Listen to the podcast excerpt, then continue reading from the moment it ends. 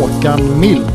Det är ju bara att instämma med vad Håkan säger. Eh, sen jag blev förvånad att vi kör eh, två centralt. Att vi inte kör eh, 4-3-3 uppställningen och kör tre centralt när vi spelar borta på konstgräs. Matanovic, Antonio. Stort tack, bra, kul att vara här. Och det ser vi nu att det börjar faktiskt spenderas. Vad kan man ta med sig då? Jag tar med mig att Sebastian Eriksson spelade 35 minuter allsvensk fotboll. Då säger jag hej och välkomna till avsnitt nummer 6 av eh, Kamratpodden. Och med oss idag har vi, ja, efter en magisterexamen på GU tog han omvägen via Lerum och Alingsås istället för att sätta sig på trean direkt till jobbet på ett annat GU. Från näringslivet till föreningslivet, från kranskommuner till storstan, från kontoret till Kamratpodden. Vi säger varmt välkommen till Marcus Hermansson. Tack så mycket. Hur står det till? Det är bra, det är bra. Det är en ganska bra känsla trots förlust i måndags. Eh, Och eh, ja, jag tycker att vi har jobbat på bra under sommaren så allt känns fint. Härligt, härligt. Gött. Olsson, hur är det med dig? Jo tack, det är bra. Jag cyklade ju hit i vanlig ordning från Frölunda. Eh, men passade på att ta ett dopp i Delsjön. Men det känns, nu känns det helt ogjort. Ja, ja det, var, det var inte tillräckligt kallt. Ja, det är rätt så varmt här.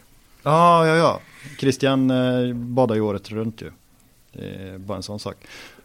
Matanovic, hur är läget med dig? Ja, stort tack, Eh, kul att vara tillbaka i stan måste jag säga. Jag har varit i Stockholm i två veckor eh, så det är skönt att vara där man vill vara igen.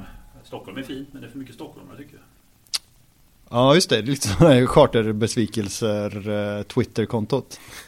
Hur många spanjorer Nej, i Spanien? Jag skulle vara där en vecka var ju tanken. Just det. I familjen. Men Mm. det var ju så att de andra sa ju det kan vi inte stanna en vecka till. Vi hyrde en lägenhet och en bekant där. Så det blev lite längre än planerat. Jag kom hem fredag kväll. Så ja, helgen behövde man ju ta igen inför jobbet här nu. Ja, du var, du var i Jesper Blom... Ja. Jesper Blomqvists eh, hemtrakter och, och härjade till och med va? Ja, jag spelar minigolf där. Ja. Hur var det då? Det var bra, men det var otroligt... Jag, många som tyckte på mig det. När jag berättade det, det var en kaféägare där. Just det. Där. Men så är det. Det är så. Jag fick nog det. Jag sa Göteborg får man köra så här, så jag. Ja. det är bra. Med mig är det bra också, tacka som frågar. Framgick att jag var från Göteborg också. Ja, det hörs också. Finns det någon som säger. Ja, eh, matchen i måndags. Vad, vad var din känsla, Marcus? Min känsla var att eh, det känns surt fortfarande, eh, rätt så surt att vi ändå hade skapade så pass mycket lägen. Eh, vi missade en straff. Eh, vi, vi hade chansen att ta tre poäng, nu gjorde vi inte det denna gången. Sen så tycker jag inför framtiden så fanns det mycket att ta med sig ändå. Att vi, vi har ett jävla tryck på läktaren, vi har bra fart i spelet och vi, vi vågar anfalla på ett lite annat sätt. Och att vi, vi hittar mer rätt i den här formationen som vi spelar nu för tiden jämfört med, med tidigare under säsongen. Så lite surt men fortfarande mycket positivt att ta med sig skulle jag säga. Olsson? Nej men jag är väl inne på exakt samma spår faktiskt. Eh, och Marcus nämner läktaren. Vi var alltså över 17 000 och det är Mm. första gången sedan 2015 och en eh, guldmatch. Det, det är egentligen lite, det är lite stört att vi kan göra det nu. Mm. Mm. För vi, vi är liksom inte i något guldläge. Ehm, Så det, det tycker jag är, är riktigt häftigt. Ehm, matchen, ja, men jag tycker Stare sa det bra efter matchen ehm, på presskonferensen att eh, det var en jämn välspelad match. Det 1-1 hade varit rättvist, Blåvitt hade kunnat vinna. Det är liksom inte mer att säga liksom. Det var två Mm. bra lag som gjorde två bra prestationer. Mm. Jag gillar det initiativet också att sända presskonferensen i efterhand. Så får man möjlighet att se den. Ja, det gillade jag också. Kanske att den inte ska vara bland det låsta materialet. Det får vi skicka till Moder tycker jag. Ja, okej, okej. Ja, ja, ja. Ehm, Matanovic, vad tyckte du om matchen? Många saker. Eh, väldigt många saker. Det var, faktiskt här, det var länge sedan man hade en match som tömde en totalt på energi. Man har saknat den typen av match. Där det verkligen gällde på riktigt någonting. Man kände på något sätt att det var puls på riktigt igen. Mm. Det var fart på läktaren. Det var bra fart på plan. Jag tycker att alltså om man tittar lite grann på hur säsongen har sett ut hittills.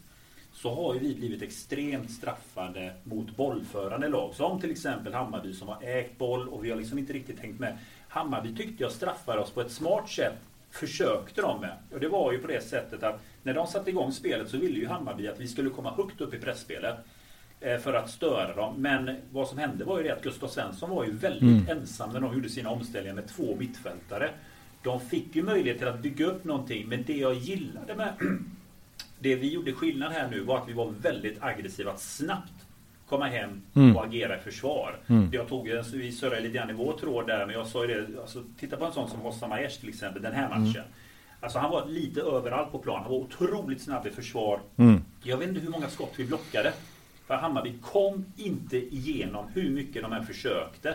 De försökte och försökte och det är så typiskt att det är målet som görs. Det är utanför straffområdet. För i boxen tycker jag det var en otroligt bra disciplin. Mm. Vi hade lägen. Eh, ja, det är ett jättelyft hur vi spelar idag än hur det har sett ut i våras. Mm. Och det är ju ett självförtroende. Mm. Och även om det är en förlust så ser jag, jag tycker jag ser en jättefin utveckling och man ser också tycker jag att spelarna har mer roligt på plan. Det finns en liten extra gnista i det här spelet, i den här rörelsen och det känns som att jag får känslan av att spelarna får tänka lite mer och det, det uppskattas tycker jag. Det är mycket mer instruktioner, mm. det pekas mer på varandra, man mm. ger varandra energi. Och bara när man ser till exempel hur arga spelarna blir i situationer som mm. Marcus mm. Berg där vid tröjdragning i mitten. Mm. Det är underbart. Det. det första mm. halvlek, han tappar det totalt mot mm. Bojan Pandzic som jag snackade sen efteråt. Han sa ju det, han var helt stum. Det var ju sånt jävla liv överallt. Nej, men så det var trots förlust en skön känsla och den ska vi ta med mot Kalmar. Det känns bra. Ja, och du ville flika in någonting där, Olsson. Ja, nej, men jag tänkte, jag slogs av det att det här formationsbytet, den här energin och eh, det här snacket som du pratar om att man ser någon, en, liksom ett eh, lite annat go i laget. Det känns som lite grann samma effekt som man får vid ett tränarbyte liksom. Att mm. Ehm, istället för att det nu in, det har inte kommit in någon ny röst. Det är samma röst fast den säger andra saker. Och när man byter formation så får nya spelare, eller spelare får en annan chans att visa upp sig och trycka undan någon annan spelare ut ur startelvan och man får visa sig på ett nytt sätt. Att det ger samma typ av energi som ja. ett tränarbyte. Liksom. Ja. Sen är det positivt tycker jag med förändringar också i en elva. För det gör också att man blir lite mer på tårna när det kommer in något mm. nytt. Man vet också om att herregud, den spelaren som har varit så given. Jag får ju också se till att liksom ha huvudet uppe för jag kan ju hamna på bänken med. Så mm. ja. det tycker jag är positivt. Och sen jämför man våra startelva i första omgången kontra vad vi har nu så ser det ganska annorlunda ut på många mm. av positionerna. Inte bara en ny formation utan ja. det är ju Bångsbo in, Hussein in. Det är ja. jättekul att se att de mot alla motstånd än så länge där de har spelat från start har gjort det på ett ganska bra sätt. Mm. Och ja. Det blir ju som en typ av nyförvärv också även fast man har haft dem i truppen sedan innan. Så jag, jag tycker det bidrar till mycket av det här också som ni pratar om. Ja, absolut och framför, framförallt i offensiva spelet i alltså den här eh, som man hittat med Marcus Berg nästan hela tiden. Mm. Den hade, eh, all respekt för Bjärsmyr men en av eh, liksom, mittbackarna hade ändå varit felvänd ju och då är det inte lika lätt att slå den eh, sneda passningen Nej, upp där. Så att det är ett jättelyft Sen tyckte jag, jag vet inte, det finns väl inte jättemycket, eller det finns ju hur mycket som helst att säga såklart, men jag tyckte det som var bra var ju att Bojanic inte fick styra och ställa så mycket som han fick eh, senast vi mötte dem. Nej, eh, han blev ju lite mm. utraderad och, och, hittade boll ganska mycket, ni, ganska mycket längre ner och ute på kanterna och sådär. Där är han ju inte jättefarlig faktiskt. Nej men vi lät ju inte Hammarby heller ha bollen Nej. utan Hammarby var ju tvungna att snabbt få vidare bollen även om de kunde smart starta igång ett bra spel. För jag måste säga att jag var, impon jag imponerad hur Hammarby spelar fotboll. Det måste sägas. För de har kommit långt mm. med sitt tränarbyte och att spela på det sättet vi gör. Men jag tycker att vi gjorde verkligen vår hemläxa kontra hur vi spelade på Tele2 mot dem. Mm. Och, det, och det har inte med underlaget att göra utan det är ren taktik hur vi skulle. För vi har spelat. Det är så lätt att säga att vi har alltid haft svårt mot Bayern men vi har ju vunnit mot Bayern på Tele2 också när vi har varit aggressiva. Jag tänker på kuppen back, mm. Eh, när vi var på kvartsfinalen där. Eh, men då, ja, det var ett sjukt lag. Men då var det ju också att vi kunde, vi, vi var mycket tuffare nu. Det var bra mm. liv på plan. Man gick in i duellerna. Jag menar, det var ju dobbar minut två. Otroligt. Ja, det small. Det small. Noah Alexandersson startade den matchen om jag inte missminner mig. Ja, det är minnet sviktar för mig. Kanske Adil Titti också. Sargon va? Det bör han ha gjort ja. Sargon var skitbra. Han sitter ju på bänken i ÖIS nu. Den resan såg man inte fram... Bärkroth med på kvisten också ett tag? Ja, men inte det eh, skadekänningar och sånt då? Ja det har han alltid. Uh, Sargon är nog fit for fight tror jag. Eh, Petad verkar som. Sånt är livet. Eh, just nu, efter den här förlusten, så tappade vi ju uppenbarligen mark gentemot Hammarby. Ligger sexa. Är striden om Europaplatser vid liv, Marcus? Det tycker jag absolut. Eh, jag hoppas ju att vi ska fortsätta nu mot Kalmar här, att vi ska upp på hästen igen och, och ta tre poäng. Eh, jag tycker vi ska åka dit med en, en bra feeling och vi har ju alla möjligheter i världen att, att vinna den matchen sett till våra prestationer de senaste omgångarna. Eh, fortsätter vi på det spåret så, så tror jag absolut att vi, vi har en chans att vinna där. Och då är inte loppet kört och då tycker jag absolut vi ska gå för det. Mm. Kalmar är ju ett av de lagen där vi dessutom spelare för spelare har högre kvalitet också. Alltså om man, om man gör en jämförelse med Bayern så är det svårt att säga att vi definitivt har bättre spelare på varje position. Nej, har de precis. ingen Elm som ska ta en frispark i 89 som gör att det blir eller Säg inte det. Han, han, han satt på bänken någon match va? Uppsatt alltså som spelare? Ja, jo, jo, men... Eh, Det är inte samma kvalitet längre. Nej, inte riktigt va? han tappar allt på fasta. Sen Ja. har vi ju, vinner vi så är vi sex poäng före Kalmar, förlorar vi Precis. så är vi på samma poäng. Så den, Ja. den är ju viktig där också rent psykologiskt. Så är ja, det. för Kalmar och Mjällby är på samma 25 poäng. Nu torskade ju Mjällby här mot Häcken. Men som du säger där Marcus, jag menar seger här så har vi ett bra gap till Mm. sjundeplatsen. Nu börjar vi faktiskt hamna på lite platser som är trevligare. Eh, Din guldkandidat där, Daniel AIK, är ju helt under isen och vi kan ju faktiskt gå om dem här. Jag tror vi har all chans att göra det för det AIK presterar just nu, det är, alltså det är ingen fotboll. Det är ju helt sjukt hur värdelösa de är. Och det är över tid. De hade, nej. det var Jordan Larsson som gjorde våren tycker jag. Ja, och nu är det Guidetti. Som, det, som sprakar lite, alltså som, som får lite liv i dem. Jag såg matchen mot Värnamo och jag kollar man spelare för spelare också. Det är inte samma AIK riktigt Nej. längre tycker jag som det Nej. var, var tidigare. Nej, det De har, men de har lagt alla, de har ju bränt pengarna på Guidetti. Ja. Eh, och de vill ju inte värva en spelare heller trots, vi surrar lite Europa sen här, men de har ju dragit in bra kulor på Europaspelet Mm. hittills. Man tjänar ju på att komma till playoff. Mm. Eh, men de, de försökte ta Levi för något skambud, men Norrköping Just det. Nej, ja. Ja, de behöver nog mer. De har ju inga bra yttrar direkt alls. Men är alltså behöver inte de, alltså om man kollar namnen i backlinjen och, och i, AIK, i AIKs försvar så, så ser det ju bra ut. Men de presterar ju dåligt. Det är ju inte det här ramstarka Nej. AIK som kan gå ut och lita på att ja, men om någon petar in en boll så vinner vi matchen. Nej, För vi kommer kunna försvara oss fram till ett 1-0 eller 0-1 resultat. Liksom. Men det, det är ju inte så längre. Sotte är liksom inte någon general. Och liksom, De Nej, har det det mycket inte. skadeproblem, men samtidigt Skillnaden är också att de, ja, de har haft ett ramstarkt försvar, men de har också haft ett bra mittfält och de har kunnat ha boll. Men de har mittfältet, det imponerar ju inte. De har ju förlitat sig extremt mycket också på Nabil Bahoui som är ju konstant, han är ju skadad väldigt Mm. mycket. Men oavsett, ja, det är ju ett kanonläge att gå om AIK och då är vi plötsligt femma. Jag tycker inte Sebastian Larsson har riktigt den höjden i sig längre som han hade i fjol. Eh, Jag tycker han har tappat lite och det jag menar, spelar man med två mittfältare som de gör och han tappar lite så det är klart att det blir en kvalitetssänkning. Mm. Han är inte dålig på något sätt men han är inte lika bra som i fjol. Kanske han behöver vara den ensam tupp också, tror du det? Ja, hur tänker du då? Att Gudetti kommer in nu. Ja, just det. Men, men Guidetti, kan det verkligen ha varit äkta? Allt det här som han håller på med och sliter sig i håret och det känns som att han skådespelar nästan. Att han inte får gult där är ju det märkligaste jag har varit med om någonsin. Ja, det beror ju på vad, vad han sa. Nej, det, det beror, alltså gestikulerar man så ska man ju få gult. Det är så det är ja, just det. Det är ju, alltså han skulle ju egentligen kunna, alltså går han fram och helt artigt säger liksom Fan är du helt dum i huvudet? Liksom, Ja. Utan att, att gestikulera. Ja. Så får han ju inte nödvändigtvis gult. Ja, just det.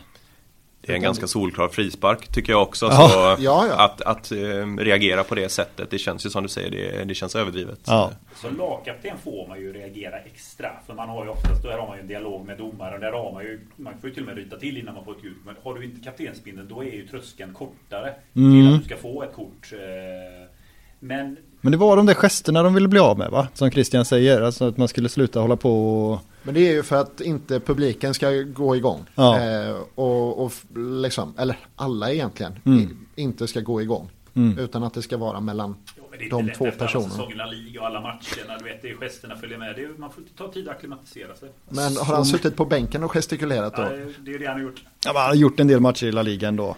Eh, om man ska behöva ta honom i försvar. Det var länge sedan Ja. par matcher. I Jo, det var det. Det var det. Ja, ja, ja. Nej, men han, var han är ju också bättre än vad jag hade förväntat mig faktiskt.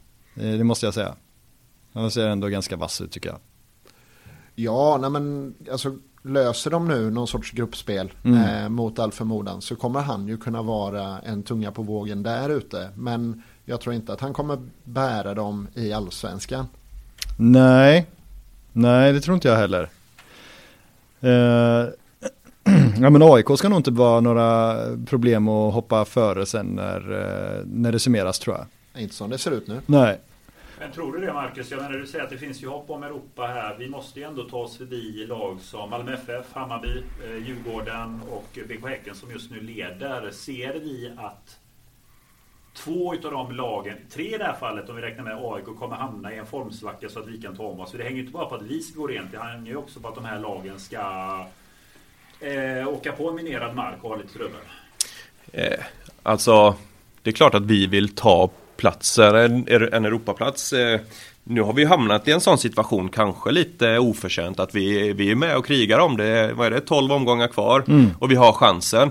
Sen så, vi har ju inte förilat oss i något transferfönster nu och bränt alla pengar för att ta de här platserna, men, men hänger vi med och har möjligheten, då har vi ju tid på oss att förbereda oss inför kvalet som är, är nästa år då. Då finns ingen anledning att inte gå för det. nej.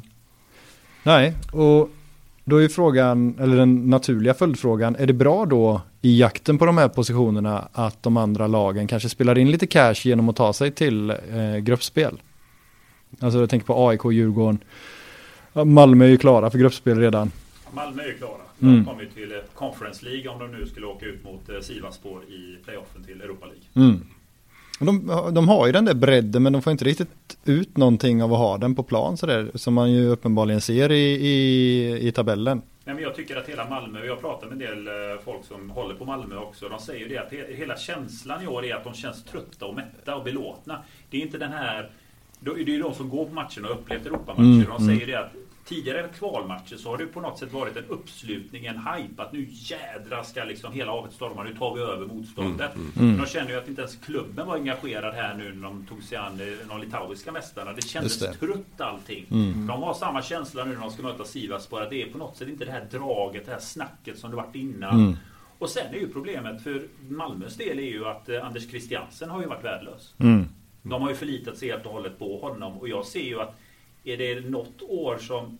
Alltså Malmö har vi haft... Vi har ju sagt det, de kommer ju dominera svensk fotboll. Men alla signaler säger att det, det, det blir mellanår i år. Och det är, ju, Mm. det är ju nu vi har chansen att gå om dem. Jag, jag är glad att de spelar i Europa. För att eh, där kommer det på något sätt finnas en motivation. Men Mm. det kommer bli lidande för dem i ligan. Men de har ju alla sina skador också. Så är det. Det är ju märkligt. Alltså visst, alltså rent statistiskt så i och med att de spelar mer matcher än vad vi gör, de har sina Europamatcher och sådär, så ska de ju ha fler skadade. Men det här är ju liksom, Innan ju. ja, det är, Mm. dels är det innan och det är liksom extremt. Ja. De tränar stenhårt, vad var det inte det? Att, de, att han eh, körde så hårt med dem och de har många äldre spelare som kanske inte riktigt är gjorda för att träna på det sättet helt plötsligt liksom. Men det är väl rätt oproffsigt. Jo men han fick ju också sparken. Jo, men det är ju liksom något, ja, jo, men någon fystränare borde ju räcka upp Ja, jo. och säga att nu har vi fem överbelastningsskador här. Jo. Det, är- det här Nej, nej, nej, absolut. Nej, jag får inte heller ihop det. Eh, men vad, eh, är, vad säger du Marcus? Ska, ska man unna de här föreningarna lite extra pengar för att det ökar chansen för Blåvitt att att knipa en högre placering? Eh, frågan är om det gör det på lång sikt. Eh, alltså om man tar sig till Conference League så har du 30 miljoner in bara på det och så har du några miljoner till för kvalmatcherna. Eh, gör det det lättare för oss året efter att knipa de platserna om fler lag tar sig in där? Kanske inte. Sen så gäller det att vara noggrann i eh, hur man hanterar pengarna såklart. Men eh, det är en ganska svår fråga men sen så finns det de här koefficientpoängen och så som räknas in som kan göra det lättare för svenska lag och det kan tillkomma fler kvalplatser och så vidare. Det. På det sättet, då kanske det är en jättebra eh, att de gör det men det är ju svårt att unna andra lag att göra det så. Ja. en sak undrar jag med koefficientpoängen. Mm. Är det bättre att vinna i Conference League än att torska i Champions League? Det kan jag svara på. Eh, det, det har jag faktiskt räknat ut och det är som så att om du skulle ta dig till eh, gruppspel i Champions League. Ja. Då får du som lag 16 poäng. I, Ja. i, i Conference League har du 12. Så du har 4 poängs skillnad just nu. Mm. Men sen börjar du vinna. Eh, vinner du grupp och går till åttondel så har du per automatik fått mer poäng än ditt deltagande i Champions League. Mm, Och lite det. hårdraget, alltså jag menar eh, i Conference League så har vi kvalitet nog att svenska lag ska kunna ta sig vidare från gruppspel, att man kommer etta, tvåa. Mm. Så för svenska rankingen gynnas vi av ett bättre Conference League-spel än eh, noll poäng i Champions League. Bodö Glimt är ett jättebra exempel. Tog sig till och med hela vägen till kvartsfinal i Conference League och för den norska rankingen gjorde det ju jättemycket nu. Mm. Eh, Plus då att de har tidigare haft Molde som har gått- vidare i Europa League. Medan Mm. vi då har haft, vi har ju haft Malmö i Europa League, nu hade vi Malmö i Champions League. Men för den svenska rankingen förra året så blev det ju ett lite sämre år. Mm. Så alla här är med på att det är bra för svensk fotboll om Malmö torskar nu mot Sivasspor då och går in i Conference League. Poängmässigt ja, absolut. Det är det. Mm. Ja, på alla möjliga sätt. Ja, och pengamässigt. Men sen är det ju så att det, Conference League har ju fått, fick ju i början ett skamfilat rykte. Mm. Men alltså Conference League är riktigt bra pengamässigt. Ja, Eh, tar du dig till gruppspel i Europa League, då får du 3,6 miljoner euro. Ja. I Conference League får du, du var inne på det Marcus, det är 2,9 miljoner euro. Plus ersättningarna du har fått i, för att du har varit med i kval. Men det är inte så himla stor skillnad. Eh, jag tog som exempel, säg att du kommer till Europa League Ja. Och åker, kommer trea i gruppspelet. Du tar en seger och ett kryss. Då har du dragit hem 4,4 miljoner euro. Tar du det till Conference League och kommer tvåa och tar det till åttondelsfinal. Ja, då har du 6,5 miljoner euro. Så Conference League, jag tycker att eh, man kan gnälla mycket på Uefa, men jag tycker att ersättningsmodellen de har hittat på här när det kommer till Conference League, jag tycker den är sund. Jag tycker Mm. den är bra. Ett bra upplagt system och eh, det är mycket pengar för, för svenska klubbar. Men hur, eh, för det blir, om man då tänker en bortamatch i, i Europa, det är två hotellnätter kanske? Ja, Och minst. Ja. Vad, vad kostar en sån match tror du? Jag skulle gissa på att det ligger någonstans mellan eh, 700 000 och en miljon. Man behöver ju chartra ett plan och så Ja. vidare. Och, eh, får man en lång resa till Östeuropa och så, så är ju det någonstans 500-600 000 bara för, för flyget. Just det. Så, så det, det drar ju iväg lite men sen så får man ju också ersättning då för resekostnader och så från Uefa. Så Just det. det, Är det utöver eh, ersättning Ja. man får för kvalomgången? Ja, precis. Okej. Ah, det får man. Jag tänker som Elfsborg till exempel, de spelar ju borta mot Molde. De gick ju in i eh, kvalomgång två. Ja. De rök ju direkt. Vad, vad går en sån resa? Du berättade att du har ju varit i Norge och jobbat men en resa till Molde är ju ganska långt. Ja, det är väldigt litet också så det är nog Mm. svårt att ta sig dit eh, på ett lätt sätt. Just det. Eh, Ja, de har lagt en halv miljon på det kan jag Ja. tänka mig. Deras ersättning hittills har ju varit 3,6 miljoner. Fick Mm. ju de ersättning för eh, sitt deltagande i Conference League-kvalet. Sen har ju vi, hade vi tagit oss dit till en sån kvalmatch då tror jag att vi har stor publik. Mm. Det har man ju inte i Borås en sån Nej. match. Det är 3000 pers på sin höjd och så är det dyster stämning. Ja. Sen så kommer man ut. Att det, mörkret alltså. Ja, Regn också, garanterat. Exakt. Det kan det vara här också. jag vet, jag bor ju i folk. Borås. Jag vet. Du gör fortfarande det? Ja. Jag bodde där i fem år. Ja, det ser. Sjöbo? Sjöbo, jag bor i Brämhult. Jaså, se där. Ja. Ja, så där. Mm. Knallelandspodden. Exakt. Jag Eh, gillar fortfarande busschaufförerna. Det var trevligt på den tiden jag bodde där. De sa aldrig god morgon till mig. Nej, det gör de inte längre. Nej, Nej. nya tider. Nu har inte jag åkt buss på länge men eh, de har inte vinkat till mig i bilen i alla fall. nej. Nej, de, de, de, de vet var du jobbar. Kan vara så, kan vara så. Ja, men du åker kanske till och med i en eh, bil med en, ett litet emblem på då? Nej, det gör jag inte. Du gör inte det? Nej, då är det konstigt. Ja. Ja, Det är en liten stad. Folk känner alla där. just det. Just det. Ja. bara 100 000 där. Ska vi släppa det? Gör. Ja. Men, vi, men vill vi ha lagen i Europa? Vi kommer ju aldrig Ja, kort, ja, men om vi tar, om vi tar kort, kortsiktigt då, för långsiktigt vill vi inte ha dem där såklart. Men om vi tänker bara för i år och jagar Om det gör det lättare för oss att ta oss ut i Europa så ja. ja, jag håller med. Jag säger att AIK får gärna gå in för de kan inte hantera pengar. De får alltid hybris och bränner pengar på en kille så är pengarna borta. Så de får gärna gå in. Djurgården är rätt smarta med sin kassa dock. Så de, eh, skulle, de kan skippa. Malmö, de får ju alltid pengar. Så det är lite strunt samma där. De har, de har redan. Mm. Men AIK får gärna gå in. De kan inte hantera pengar, de får panik. Just det, brinner. De, de börjar ju redan gnälla klubbarna över att det är tätt matchande här nu. Så de får väl, ja men de får väl jättegärna gå in och Mm. ha dubbelt med matcher. Så att vi har lättare att plocka in de här poängen. Sen så, vi möter ju AIK, Malmö, Häcken hemma. Ja.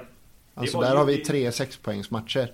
Löser vi, löser vi dem, nu sitter jag här och får hybris istället, men löser vi dem så då, då är vi ju med. Absolut. Liksom. Ja, nej men det är inget snack. Men du, alltså, det, det är spännande det där, för om man då, det snackas ju om eh, helt hysteriska summor som Guidetti ska ha fått i sign-on och att han dessutom ska ha en hög lön. Alltså, jag menar han måste ju i princip skjuta ut dem i Europa. För att det ska gå, för att värmningen ska gå ihop ju. Alltså, det snackas ju om så här 15 miljoner eller vad det är. Eller det kanske du har koll på Antonio som transferguron. Det var det landar på kom ju helt gratis. Mm. Men eh, att, att om det skulle landa på 10 miljoner, det skulle inte förvåna mig. Jag menar, eh, till och med back in the days när Anders Svensson kom som eh, bossman till Elfsborg så var det 10 miljoner.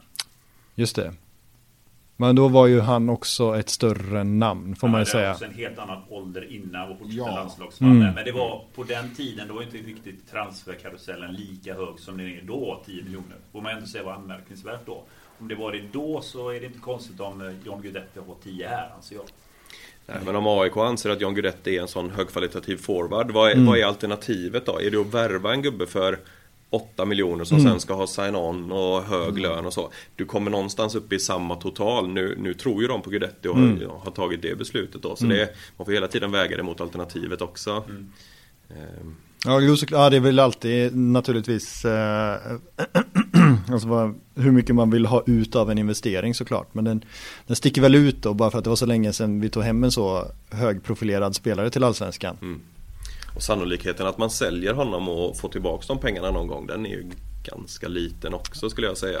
Ja, det får man säga. Om vi skulle göra en sån grej, då hade jag ju velat se att den spelaren är mellan 22 och 24 år och kan gå in och producera direkt. Mm. Och då kan man veta att man på lång sikt får tillbaks pengarna i alla fall. Men Mm. här, här blir det lite att man, man bränner pengarna, Mm. hoppas att det här kommer bli bra.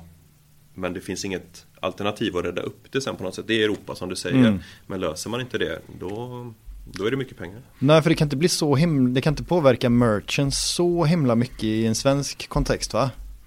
Så, Jag kan inte svara på det riktigt. Nej. nej men Marek är väl det närmaste vi kommer där merchen faktiskt har varit blev en grej liksom. Mm. Där merchen faktiskt blev en summa som man liksom kan titta på och säga att ja men här. Men vi har ju liksom ingen Marek. Alltså Guidetti är ju liksom inte Marek på det sättet. Det, Nej, det blir ju gud, inte den hypen liksom. Nej. Klart sämre frisyr. Dessutom. Det får stå för dig. Eh, ja, nej, och, ja, nej, vi släpper den, den frisyren också. Nej, men Marek Hamsik är ju en helt annan kaliber såklart. I, i namn då. Jo, nej, men precis. Och, Mm. och det är ju det som säljer merch. Ja, Liksom. ja. Men en sån affär som Marek Hamsik nu när du är här Marcus. Jag tänker att det är ju en affär. Det, det, det blev ju en bra affär för IFK Göteborg. Det blev det. Vi visste ju inte kring merchen så mycket från början. Men däremot så vet man ju i en sån affär att han kommer vara med i en EM-trupp. Vi Mm. kommer få ersättning per dag. Han är med där. Det börjar räknas två veckor innan mästerskapet börjar. Och så är det tre gruppslutsmatcher minst. Mm. Sen så kan det bli mer då. Så vi visste ju att vi hade en hel del pengar in redan där. Men visste ni redan att den kinesiska klubben inte skulle få en ersättning från Uefa för att han deltog i EM utan att den potten skulle helt landa till IFK? Den, den, del, den landar ju på den klubben man tillhör då under, Mm. under mästerskapet. För det var också det var ju diskussioner om var han kom ifrån, de hade rätt. De har nog fått för kval, eh, kvalspelet Ja, så att ja. säga, Mm. för då har han ju tillhört där. Men däremot så fick vi för mästerskapet då. Och sen merchdelen, det, bara det finansierade ju hela, hela hans tid i IFK Göteborg om man ska vara, prata om det. Så det, det blir ju bra på flera sätt. Sen så det sportsliga, det var ju inte riktigt det man hade förväntat sig kanske. Årets målen då? Ja, det var väl det. Men man hade velat ha, eh, man vill alltid ha lite mer. Ja, men det vill man ju. Men han var ju samtidigt, jag kommer främst ihåg den bortamatchen på Örjansvall eh, där alla klagade på planen och han var helt opåverkad liksom. Mm. Ja, han var ett superproffs, Ja. alltså helt otroligt. Från första sekund han var här till, tills att han åkte. Och han var fantastisk där. Ja, ja, mäktigt. Nej, men vi hånas ju oftast för den affären utifrån supportrar i andra klubbar. Jag brukar alltid trycka på det igen. Vi tjänade pengar på det. Fast vad fan fick Djurgården ut av Haksabanovic? Grejen är att han kan fortfarande, dock, vi ska, jag ska inte säga någonting där än, för han kan fortfarande skriva på för Djurgården. Han har ingen klubb klar ännu. Så jag ropar hej efter slutet av augusti. Ja men då måste de visa att han aktivt har sökt klubbar för att få den dispensen va? Nej, de har ju licensen redan sedan innan i och med att de inte har överlämnat den till någon annan klubb.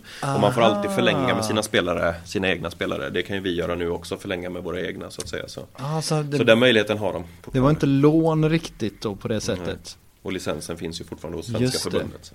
Just det, ja ja. ja. Då ropar vi väl inte hej än då. Fast jag tänker, det, för mig så känns det väldigt tydligt att han var ett bad apple någonstans. Mm. Djurgården är ju väldigt, väldigt mycket bättre utan honom nu. Mm. Jo det är de ju. Eh, jag har svårt att säga att de tar in honom. Jag tänker mig väl också att han kom och, och, och hade väl någon slags förväntning om att bara jag vet inte, göra köttfärssås med allsvenskan också. Kanske att han tänkte att det skulle gå lite enklare än vad det gjorde.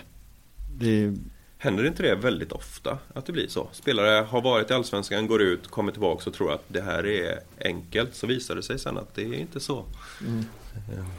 jo, alltså den är ju tuffare än vad, än vad de tror. Eller det ser man ju på planen i alla fall. Sen, och han kom väl inte med stukat självförtroende direkt. Han har gjort Men det bra i är- Ryssland. Nej, men det är annat också beroende på om du har varit ute i Europa. Du har inte den bevakningen. Alltså, om, om du är ett profilerat namn i Allsvenskan och kommer ut i Europa, då blir du ett namn. Mm. Men inte ett profilerat namn. Kommer du tillbaka blir du ett profilerat namn. Det är klart att det smäller lite mer. Det är klart att det bevakas lite mer. Och det är klart att det finns en psykologisk aspekt i det. Att han ska man bara trycka ner. Mm. Det är, Han vill man ju bara drämma på lite, lite extra på plan och eh, det tar tid innan man kommer in. Men precis som Marcus är inne på, man hör ju det alltid att nu ska jag nu ska jag göra kaos med Allsvenskan. Men det, det man hör sen är när de blir intervjuade tredje omgången att "Ja, det var lite svårare än jag trodde. Ja. Det, det är ett annat, det är ett bra tempo. Ja, det är, mer, det- det... är mer att de är på dig, ska du också ha klart på det. Den aspekten ska in. Ja, Jag tycker Danielsson också har det lite kämpigt. Jo, men vad fan, två år i hotell utan spela. Man ska, det, det, det, det, Lite dispens där. Ja, Ja, okej då. Ja, eh, men vad finns det mer för exempel då som man kan... eh, Pontus Wernbloom. Alltså, Ja, det är också lite liknande fast inte hotellrummet då. ja, nej men eh, alltså de som har kommit hem och gjort slarvsylta med allsvenskan är väl Anders Svensson och Rosenberg. Jordan Larsson till slut, den andra säsongen i Norrköping ja men då där. får du ge det. Det tog ett helt år. Ja, jo. Det är, Jo. Då. Jag ska inte sitta här och prata illa om familjen Larsson. Men jag vet Nej. att du är Ja. Tor Larsson. Det Ja, tog ett så- helt år. Så kan det gå. Jens Gustafsson var benhård. Det blev kvisten hela tiden för grabben. Han var ju så arg va. David Moberg Karlsson. Gjorde han slarvsylta Inte direkt kanske. Nej, nej, okej. Nej, jag backar, jag backar, jag backar. Eh, Blåvitt uh, silly season-fönster, vad... eh, är du nöjd Marcus? Jag är nöjd. Är ni nöjda? Jag är förhållandevis nöjd, skulle jag säga. Jag fick en, vi fick en fråga från gode vän experten där på Twitter. Han, han ville att jag skulle fråga dig hur det kändes, hur du mådde när eh, Su, eh, jag säger Sulan egentligen kallar jag det. Sulan var klar. Jag tyckte att det var ett väldigt intressant namn och det är, det är ju kul. Vi har ju tagit in Stig för att han ska hitta spelare till oss. Eh, och vi har ju förtroende för det som Stig presenterar på något sätt. Sen så ska man ju väga det med ekonomi och liksom plats i truppen och allt det här. Och, eh, när alternativet kom upp och var möjligt då, då är inte jag den som säger nej utan då försöker vi ju räkna hem affären på ett eller annat sätt. Och vi, när vi förhandlar i det här så vill vi ha ett ganska långt avtal då för att han ska kunna leverera sportsligt för att sen om en säsong eller en och en halv säsong eller två säsonger kunna tjäna en slant på det här också. Han är ju förhållandevis ung, han är född 96. Ja. Eh, så jag tycker det var eh, en bra värvning. Nu hoppas jag att han blir frisk så fort som möjligt bara så han får, får visa att han är en bra fotbollsspelare. Ja, Jag tänker, kittlar det inte till lite extra att det kommer från Tyskland? Liksom. Nu har vi plockat en från en Bundesliga-klubb kontra om vi hade plockat en 19-åring från Norrby. All respekt till Norrby och Jonas. Så du behöver inte säga så. Men eh, alltså, det måste ju ändå vara lite häftigt att plocka något från Bundesliga. Det är det, absolut. Sen så för min del är de bra på fotboll så räcker det gott och väl. Sen om Stig hittar dem i Norge eller om han hittar dem på bänken i Bundesliga. Det, alltså, så länge de kommer hit och kan leverera sportsligt och att vi kan förhandla på ett så pass bra sätt så att vi kan ha dem kvar ett bra tag och sen tjäna pengar på dem. Då, då tycker jag att det är en bra deal. För Sulan har ju Stig följt sedan tiden i Viking Stavanger om inte jag minns Exakt. helt fel. Eh, så han har ju en lång track record. Han gjorde jättebra när han var i norska ligan. Just det. Han kom ju samtidigt som eh, Samuel Adegbenro till Viking. Just spelade det. tillsammans Det där också. Ja. Okej. Och eh, han gjorde ju en säsong, en och en halv säsong i Viking innan han gick vidare. Eh, Samuel tog en omväg i andra norska, norska klubbar för att sen komma till Norrköping och sen till Kina då. Så eh, Sulleman var ju den som gjorde det bäst i, i Norge från början. Och det är ju därför som Stig fortfarande tror på spelarna också, att vi ska få ut Ja. samma sak här då. Ja. Ja och sen eh, ska vi se här, Abundance ska ju bli spännande att se vad det är för en filur såklart. Ja precis, vi följde ju han under eh, någon vecka i, kan det varit i början på april tror jag de var här. Ja, precis. Ja, och Ja, det var då- de hemliga va? Ja men de, eh, Asek Mimosas, de åker ju runt på en sån liten Europaturné och då var vi och kollade när de spelade mot eh, Häckens U19 och då var han ju framstående där. Han var lagkapten i det laget. De spelade med 17-åringar mot Häckens U19, vann med 5-1. Eh, han var jätteduktig. Vi bjöd in eh, ett par gubbar hit på träning. Och vi tyckte att det såg intressant ut och det är bra att få in en ett samarbete med en sån akademi också. De var här och träffade oss och vi fick presentera oss. Och, eh, nu har vi valt att ta in honom och det som eh, jag har hört hittills så är han ju riktigt fin. Så vi hoppas att det blir bra. Han fick ju äran att spela med Sebban igår, bara en sån sak. Ja exakt, Ja. det kommer han ha med sig hela livet. Ja, kommer han. Jag tycker ju hans Saliso är väldigt spännande. Eh, alltså det är ju alltså en stor pjäs. Alltså det, är ju, det, är det är ju liksom, eh, jag vet jag snackade igen där med Bojan Pandic. sa det att det, när Saliso kom med, alltså, det var liksom Hulken dök Mm. upp. Det var liksom en stor jädra bjässe. Och han har inte, han har ingen ålder grabben heller. Nej, det har han Men inte. Det, det jag gillar med sån här typ av spel, för han är ganska ovårdad. Är, han, han är lite överallt. Oslipad kanske. Otroligt oslipad. Han var verkligen överallt på planen. Han kom in, han skulle skjuta från allting. Mm. Men kan man, en sån här kille, alltså, kan han tränas in på rätt sätt och liksom hitta sitt sätt att spela här. Det där kommer bli en jättebra spelare om han har bara tagit till sig av allting han ska bättra på. Hitta dynamik, hitta sin roll och bli en lagspelare. Alltså den tyngden i straffområdet man skulle få med honom. Ja, jag är superintresserad av att följa hans framsteg. För där, där finns någonting. Man extremt, Jag älskar när det är oslipat. För Är han bara rätt personlighet så kommer han ta till sig detta och då blir det en riktigt, riktigt bra anfallare. Ja, 21 år gammal va? Ja precis, han är född eh, 2000 om jag inte minns helt fel nu.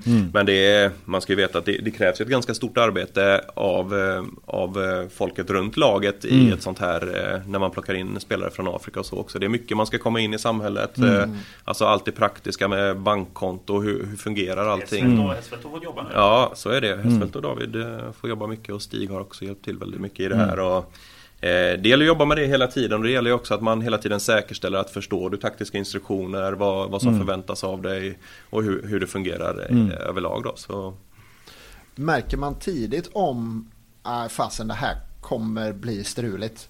Eller? Med men nyförvärv generellt tänker du eller? Ja, men jag tänker när man plockar in de här provspelarna och man känner och klämmer och testar lite Mm. på dem. Det här som är vid sidan om fotbollsplan. Går det snabbt att avgöra det där?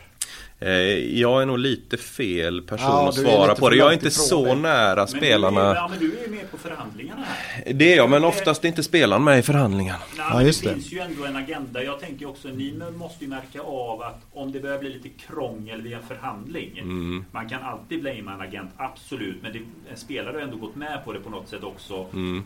Det måste väl funnits förhandlingar man känner att men, det här känns inte rätt. Det, nu, det skaver redan här. Det blir lite för mycket om och men. Så kan det vara, absolut. Ja men de är ju uppenbarligen speciella de där eh, agenterna.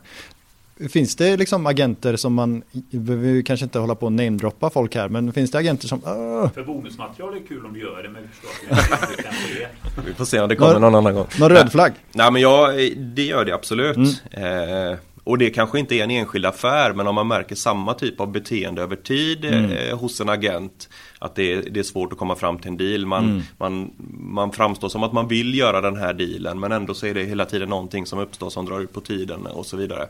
Eh, så kan det absolut vara och inte, inte vid en enskild affär men, men ser du samma mönster liksom över tid så då är det ju någon slags varningsflagg på det. Ja.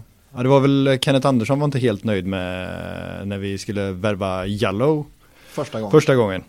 Nej, det var lite strul men han bytte Ja. agent sen ganska snabbt. Ja, han gjorde ju det. Kanske var inte helt ovettigt. Men eh, den agenten som man hade vid den affären, han har väl stått för en del rabalder nu i år. Har På ett- andra har håll haft- Han har va? haft ett fint sommarfönster. Ja, det var han. Ja. Absolut, så det har varit livat där. Så, men jag, jag, jag vet att jag inte ska namedroppa namn. För mig, Gör inte det snälla. Nej, jag ska inte. Nej. Men jag tycker att det är intressant. Alltså jag bara lägger det här och det har inte med det här avsnittet att göra. Men tänk på det att inga mediekanaler vill ens gå in och diskutera om de här agenterna som är stökiga. Det nämns inte vid namn, man vill inte konfrontera poddar som då funnits länge som då bjuder in agenter. De vill aldrig prata illa om en agent. Och för mig är det såklart. De här agenterna, det är de som droppar också till många journalister och liknande om övergångar som är på gång. För de får sina nyheter därifrån. Och inte vill man ju rätta upp den personen för då får inte jag mina silly-nyheter som jag ska lägga flasha ut där på kvällstidningar. Jag vill bara få det sagt för det gör mig så jädra skogstokig hur den här industrin är. Och jag tycker det är så himla fegt. Jag har en lite elitistisk tanke om det där. Jag tänker att det ska vara en, eh, ja, men en universitets eller högskoleexamen av något slag som agenterna ska ha innan de ens kan eh, ansöka om någon form av certifikat. Du vill ha Karl Fager-typer? Jag vill ha, ja, men det behöver inte nödvändigtvis vara advokat men, ja, men juridik eller kanske ekonomi eller för, någonting ja, men som visar att man inte bara är där inne, inne i det för pengarna liksom. Mm, det pratas ju om en reglering nu inför eh, 2023 att man inte ska kunna ta betalt av två parter i en och samma affär och sådär. Så jag tror att de kommer eh, ordna upp det lite mer framåt i alla fall. Sen så folk tenderar ju att hitta lösningar runt reglementen och sådär. Men det är ett bra steg i alla fall att man försöker göra någonting åt det. Eh, och sen fick vi ju in en andra, andra slips blir han ju såklart Dahlberg eftersom att eh, Adam blir utlånad då. Eller första, det vet vi inte. Men det var ju också en hyfsad, det var en bomb ju. Det var det va? Ja, Det var det. Mm. Ni släpper ju, ni, ni är duktiga på att vara tysta här på Kamratgården numera. Vi har blivit bättre på det. Får man säga. Ja. Ja. ja, men vi försöker hålla det tyst så länge vi kan. Vi vill ju äga vår egen kommunikation och kommunicera det när vi är klara. Och vinner ju ingenting på att släppa det. Om man förhandlar med en spelare och det kommer ut i media. Om andra klubbar får upp ögonen för att den spelaren finns tillgänglig. Det, det finns ingenting positivt i det egentligen att få ut det. Det skulle ju vara i, i ett annat läge då om vi försöker sälja spelare att någonting skulle komma ut. Och att andra klubbar liksom kan nappa på det. Men Ja, vi försöker hålla det eh, för oss själva tills vi är klara. Lite som Djurgården har nu, förlåt mig, med Isak till exempel, backen som de säljer. Mm. De, har ju varit så, de har ju varit väldigt öppna med att ha Torino. Ja, just det, just det. Jag menar bara på att det är ju taktik från Bosse Andersson. Mm. För nu kommer plötsligt Verona. Han Verona är här Mm. i Stockholm. Och så blir det ett budkrig. I och med att Torinos eh, intresse kom så pass tidigt i fönstret så vinner ju ingenting på att sälja han till första bästa klubb då utan Nej. man vet att man har över en månad på sig att hitta fler intressenter så jag tycker de gör helt rätt i det. Ja, och han kommer ju antagligen, alltså de kommer väl inte gråta om han blir kvar så att säga. Det är en jättebra spelare ju. Ja. Och de har väl pengar. Ehm, men eh, hur länge låg ni och ruvade på den eh, lilla affären? Tänker du på Dahlbergaffären? Ja, Yes. Eh, nej men det sista gjorde vi klart i, i torsdags. Eh, men vi hade ju kontakt i säkert två veckor innan det. Så pass Eh. kort ändå. Ja, Ja. någonstans där. Nu var inte jag den första kontakten Nej. utan den hade Håkan. Men eh, någonstans där i trakterna. Men Var det då att det kom en signal att eh, hans tid i dåvarande klubb kommer gå mot sin ända? De pratade om att bryta. Var det, det var typ för två veckor sedan som man förstod att han kommer nog inte vara kvar i eh, Watford. Jag fick höra från Håkan att vi hade möjlighet att plocka in honom eh, initialt. Sen exakt vad det innebar, det, det visste inte jag då men eh, sen eh, ju, ju längre tiden gick och det visade sig vara görbart då, då gick vi för det. Fyra och ett halvt års kontrakt också. Det, det känns ju han är fortfarande ung Pontus, han är 23 år. Det finns Precis. ju, han kan spela för oss i tre säsonger och Han kan bli han landslagsmålvakt. kan bli landslagsmålvakt. Han var tredje målvakt i landslaget under sessionen i Häcken. Eh, så steget dit är ju förhållandevis litet skulle jag säga. Och då, då har vi en jättebra målvakt över tid.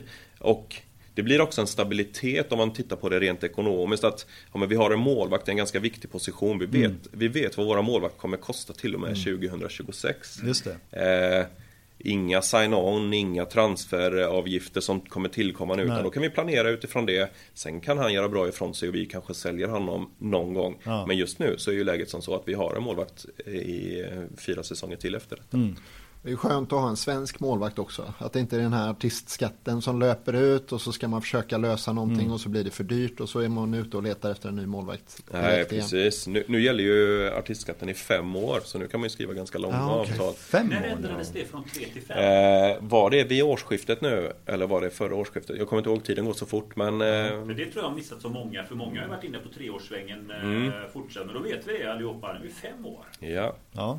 Så det- man kanske kan ju skriva ett långt kontrakt. nu börjar han bli för gammal för det va? Ja, Ja. De förlorade ju mot Köpenhamn nu i, Han var igår. inte ens på plan. Nej. Han var inte ens i truppen. Nej, Nej. var den kanske. Det är nog vaden ja, Den spökar. Men det kanske kommer landskamper eh, framöver och Det så. var den här beachvolleybollen som ställde till det för honom. Den Ja. ligger och spökar honom. Från att gå i sanden till en stenhård konstgräsplan, då, då smäller det i Det vardagen. håller inte. Christian Vieri ska vara bra på beachvolleyboll också. Men det är en, eh, en helt annan grej. Det är ett otroligt sidospår. Ja, det får man säga. Mäktig Instagram faktiskt, Christian Vieri. Ehm, men då får du eh, information från Håkan om att eh, Dahlberg är möjlig att ta in. Men utöver det då, vad, vad är din roll i, i Sportrådet? Eh, ja, men först och främst så är jag ju ekonomichef och har det ekonomiska perspektivet. Eh, sen så blir ju det, det blir ju lite sidospår utifrån det. Alltså eh, så lite som vi var inne på förut. Så här, att, ja, men nu, nu har vi en startelva där vi har x antal säljbara spelare där vi i, i bra ålder som vi kan sälja och så vidare. Det är ganska viktigt i, i eh, en förening i våran situation att vi på något sätt har det för att kunna ta nästa steg och så vidare. Men eh, i, i grunden så gällande förhandlingar egentligen med klubbar och spelare. Eh, Micke och staben sköter ju allting kring det dagliga och så vidare men så fort det är en eh, kontraktförlängning eller förhandling med en ny spelare så, så kör jag och Håkan det. Vi samarbetar väldigt nära. Eh, jag sa det, igår var första dagen på ja, men säkert ett halvår som jag och Håkan inte pratade i telefon. Och det, det säger ju någonting. Så vi, vi har ju väldigt tät kontakt och, och jobbar mycket, mycket tillsammans. Bollar, bollar väl i stort sett alla frågor. Var det tomt? Det var tomt, jag hade lite annat att göra. Men eh, jag tänkte att jag skulle ringt han men eh, Håkan sa samma sak i morse. Jag tänkte jag skulle ringt igår kväll Ja. men jag, jag gjorde inte det. Så det här var bra. Eh, Ehm, ja, kör Christian. När, när du och Håkan eh, mm, börjar bolla om en spelare. Eh, någonstans om du ska liksom värdera om, ja men eh, de vill ha det här för den här spelaren. Då behöver ju du på något sätt värdera hans sportsliga värde. Liksom. Ja, eh, Eller är du med på hur jag tänker? Ja, jag någonstans förstår. behöver du ju liksom finna, du, någonstans behöver du kunna värdera hans fotbolls, eller kunna översätta det till pengar på något sätt. Ja, men, om, man, om man utgår behöver. ifrån vårt fotbollsråd och de rollerna som vi har där så Mm. finns det ju alla personerna som sitter där är ju bättre lämpade att avgöra fotbollsvärdet än vad jag är. Men, men däremot sen då i nästa steg, vad, vad har vi för ålder på den här spelaren? Hur ser det ut med övriga? Eh, Alltså vad är det för position? Eh, för det kan, det kan ju vara så att en spelare som kostar 5 miljoner att köpa in är ganska billig för att han är så pass bra. Det, det kan ju inte jag avgöra på det sättet men jag kan ju då säkerställa i nästa steg att okej men månadslönen blir det här, eh, kontraktet blir så här långt. Eh, då får vi någon slags sportslig utväxling av, av den här spelaren. Och då litar jag ju fullt på det som Stig och eh, gänget eh, säger.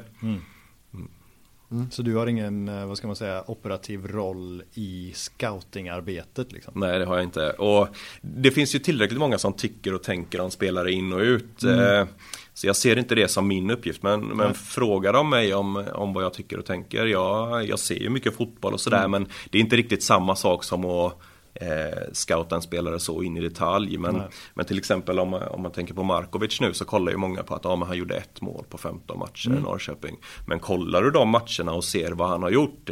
Han, han hade kunnat ha 7-8 assist. Han, eh, han spelar fram Totte Nyman till eh, Ja men 5, 6, 7 riktigt bra nicklägen som han missar allihopa. Hade, han, hade han gjort mål på dem, då hade vi inte fått han för de pengarna som vi fick. Och Nej. när, när man får se det, och så här, det, det finns ju en underbyggd analys till varför vi vill göra detta. Okej, men då vill vi skriva ett långt kontrakt och vi vill förhandla om eh, ersättning. Liksom. Och, eh, tycker vi då alla att det är en bra affär och det passar in i, i våra behov just då så, så kör vi. Just Markovic, han blev även eh, vald till Årets spelare i sin förra klubb, Start. Eh, blev han ju vald till. När han, mm. Då var det väl, jag tror det var andra ligan. Han ser, ja. i start där. Stämmer. Eh, så han har ju ett track record och han har också bra support från en viss spelare i Manchester City som de bollar lite fram och tillbaka med. Som det också Instagram. Rubrik, som det också blev rubrik att Erling Haaland gav en liten hejarop till att han skrev på. Ja. Det är otroligt. Det är det närmsta vi kommer Haaland. Ja, ja, säg inte det. Nej. Nej. De har spelat i U-landslagen tillsammans från att de var 15 eh, och så hela vägen upp till U21. Mm. Alltså. Ja.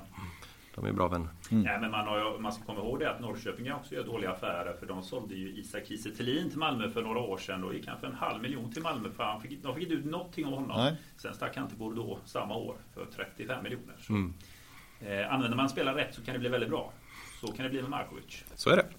Så kan det bli med Markovic. Um. Men Markovic, den kändes som att den affären måste ändå gått ganska fort eller? För jag tycker att eh, det blev ju ganska snabbt på att Norrköping skulle ta in Traustason.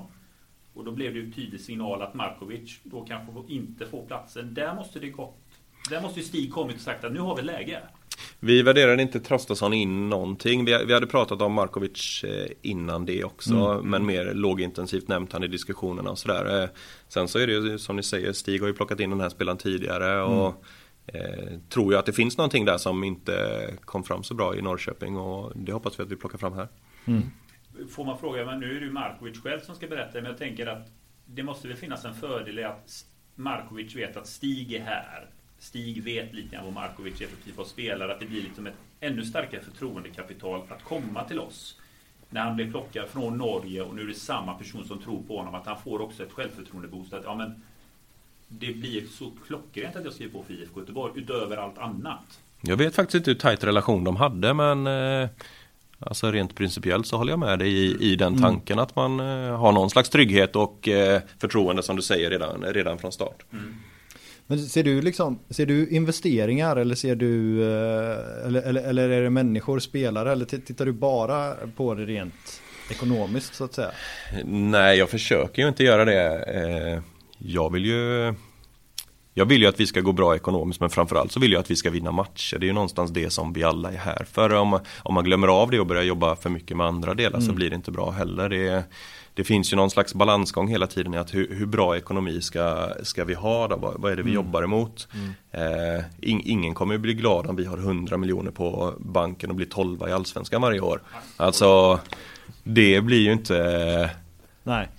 Ingen kommer tycka att det är kul, inte jag heller. Nej. Utan det, det handlar ju... Vinster, vinterfönster har vi 100 miljoner. Ja, så, så skulle det kunna vara ja. Men eh, det gäller ju också att ha någon slags långsiktig planering i det. Bara för att man har mycket pengar så kan man inte liksom satsa allt i ett fönster och tro att allting ska gå bra. Utan det, här handlar det om att bygga en verksamhet som kommer hålla över tid. Mm. Det kommer, spelare kommer komma in och spelare kommer gå ut men någonstans ska man ha så pass bra koll på spelare man plockar in så att man kan sälja dem till bra pengar. Men att allt ska vara på en så pass bra nivå då så att vi kan kvalificera oss för Europaspel. Inte bara ett år, för det finns ju en stor risk i det också. Så bygger mm. du någon slags eh, Precis. stor kostym att ja, men allt är jättebra mm. och så året efter så blir du sjua och så går du inte vidare och tar dig ut i Europa då sitter man i en svår situation, speciellt då man har jobbat med, med långa avtal och så vidare. Och där vill man inte heller hamna, så det gäller att ta det här lite stegvis. Sen med det sagt så eh, spelar vi till oss en kvalplats till Europa så ska vi absolut kvala och göra det bästa vi kan där. Mm. Men mm. Eh, utan att ta allt för stora ekonomiska risker.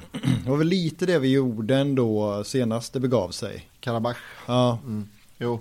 Då satt vi nog på en ganska dyr trupp skulle jag gissa. De plockade in lite och kom inte med Salbeck in jo, precis, precis, där också inför mm. kvalet. Och... Mm. Valde att inte, vi behöll Gustav Engvall fastän att han ville gå. Mm. mm. Ja, det var lite sådana grejer som ja. inte blev så bra sen. Ja, det blev ju en del Bosman ju också, eller nästan Bosman. både Rex och Albeck gick ju billigt. Och ja.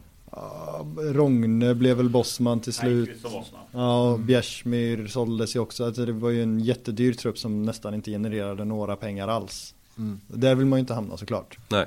Uh, för det är ju ganska dyra spelare att ersätta. Men Ankersen blev väl såld med, ja kanske inte vinst, men han, han blev i alla fall såld ju.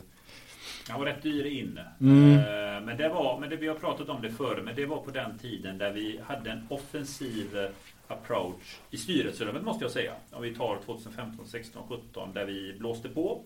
Mm. Eh, vi satsade jättemycket på det guldet som vi skulle ta 2015. Vi skulle verkligen ut i Europa. Eh, vi har sett sådana klubbar som gjort de här satsningarna. Vi har gjort det, det föll fel för oss. Mm. AIK gjorde det när de vann guldet. Man satsade 30 miljoner kronor på nya spelare in. Man har inte reparerat sig efter det riktigt ännu. Malmö FF lekte med elden när man byggde arenan. Man var Mm. på vippen att gå i konken. Eh, Marcus, du är mer insatt, men du vet ju alltså där också att där mådde de ju så dåligt med Champions League. Det var ju den här lilla, lilla grejen som gjorde att till att de mår det de mår idag. Men det finns gemensam nämnare i att det har varit ett risktagande. Mm. Och Malmö är de som har lyckats med det. Vi lyckades inte med det, men vi har ju repat oss efter de, eh, ja, men de jag anser dåliga besluten som togs i eh, spelartruppen där vi investerade alldeles för mycket.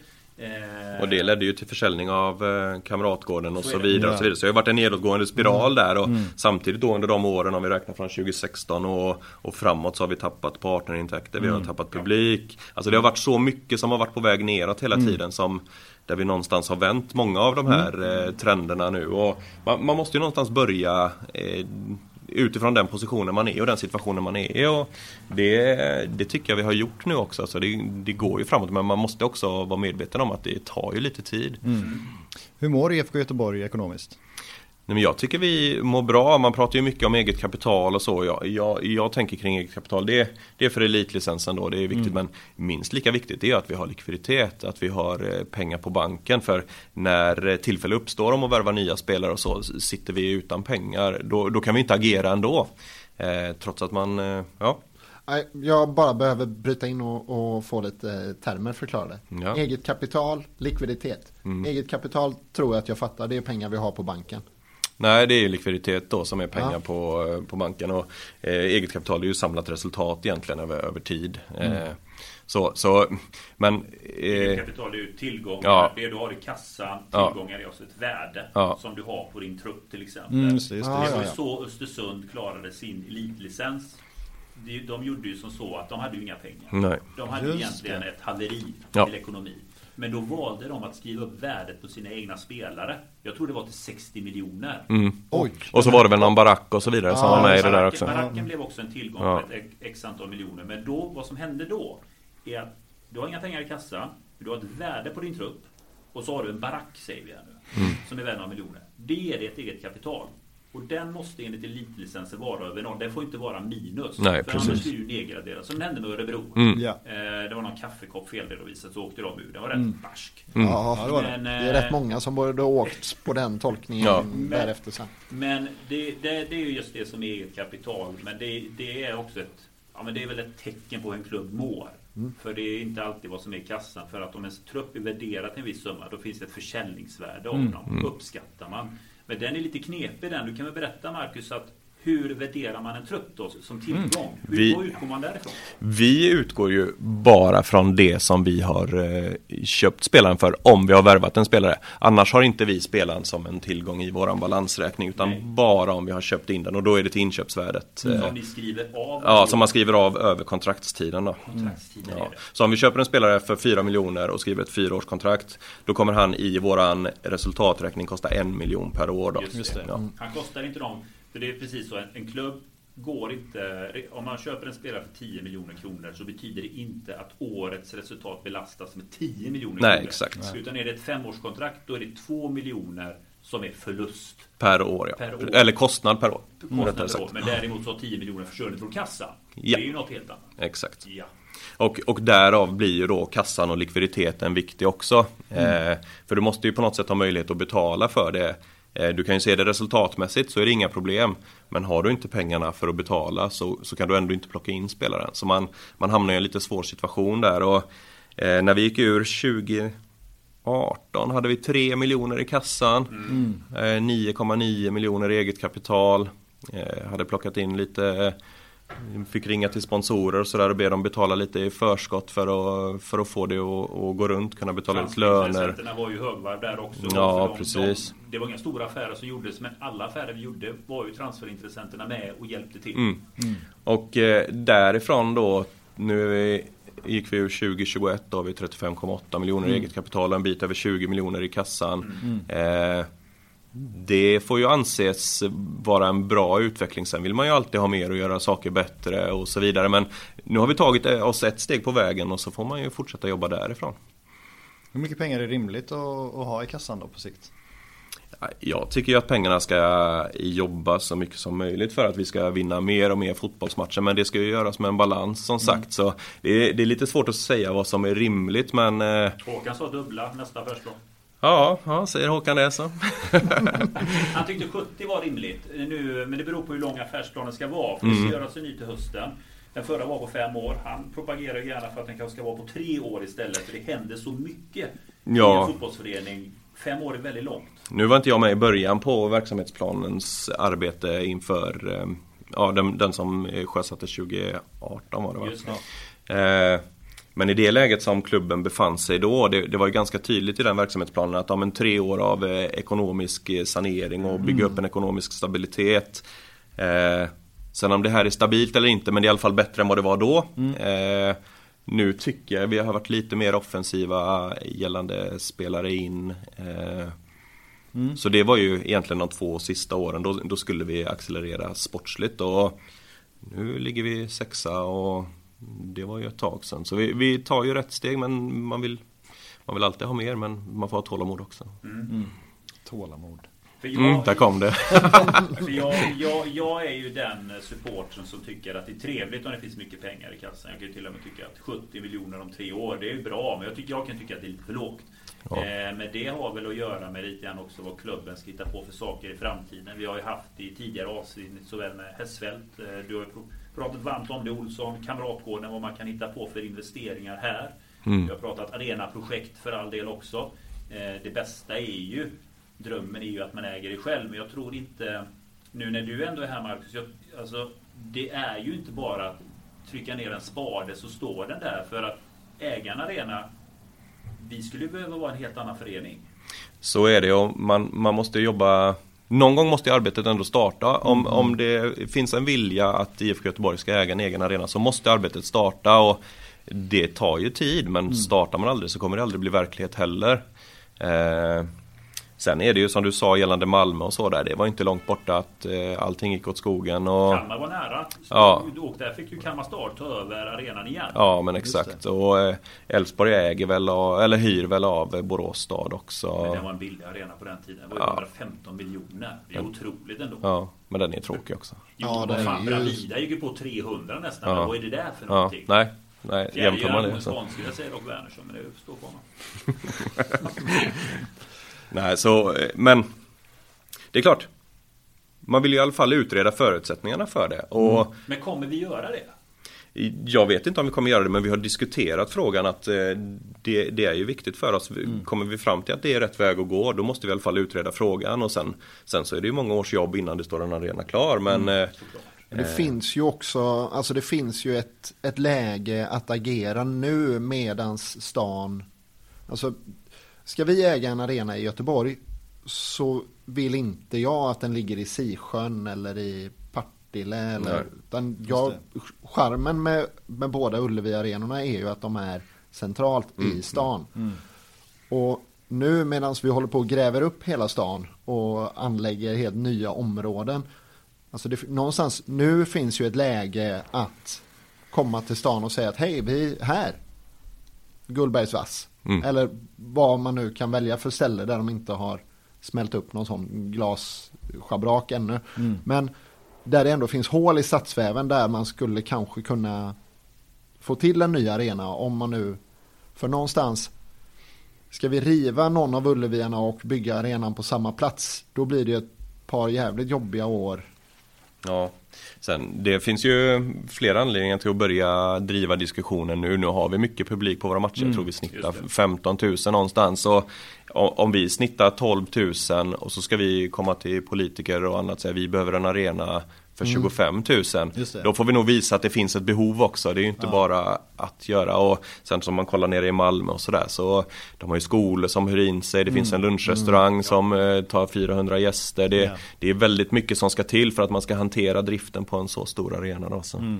Jo, nej, men det är ju givet att man behöver liksom korsbefrukta med annat. Mm. Och kanske inte driva egna verksamheter men hyra ut delar av lokalerna till annat. Men eh, en annan grej som Tony var inne på är ju att exploatera mer här uppe. Mm. Är det någonting som kommer stå med i någon verksamhetsplan eller något ni pratar mer aktivt om än egen arena? Eh, diskussionen pågår ju kring det också men sen så är det naturskyddsområde och lite annat som försvårar. Eh, så det är också en process men likadant där. Frågan måste ju upp och vi måste ju ställa frågor till, till kommunen för att se om det är möjligt. Eh, och är det det så ser jag inte alltid som en omöjlighet att vi har en till hybridgräsplan här uppe och så vidare. Lite läktare. Ja i så fall och då, då blir det ju för att man ska kunna spela matcher, alltså U17, U19 eh, Ja men kanske damerna om inte de spelar på Gamla Ullevi. Nu blir det, Mm. vinner vi serien igen så är det ju en division högre nästa år. söndag dock bara för damerna där, innan där. Men annars, Ja ja men det kommer gå bra tror jag ändå. ja, Nej och så det, det är absolut för då, då, då kan man köra den typen av matchen här uppe också. Och nu spelar de nere på Kviberg två, eh, våra P17 och sådär och det blir inte riktigt, eh, Nej. riktigt bra. Nej, men jag tänker också att det är många Alltså vi som förening pratar ofta om faciliteterna här uppe. Vi pratar om Kamratgården, vi pratar om hur fint det är. Nu har jag förmånen att få komma hit och spela in podd med er som jobbar här uppe. Så nu är jag här uppe ganska ofta. Mm. Men annars så är vi supportrar.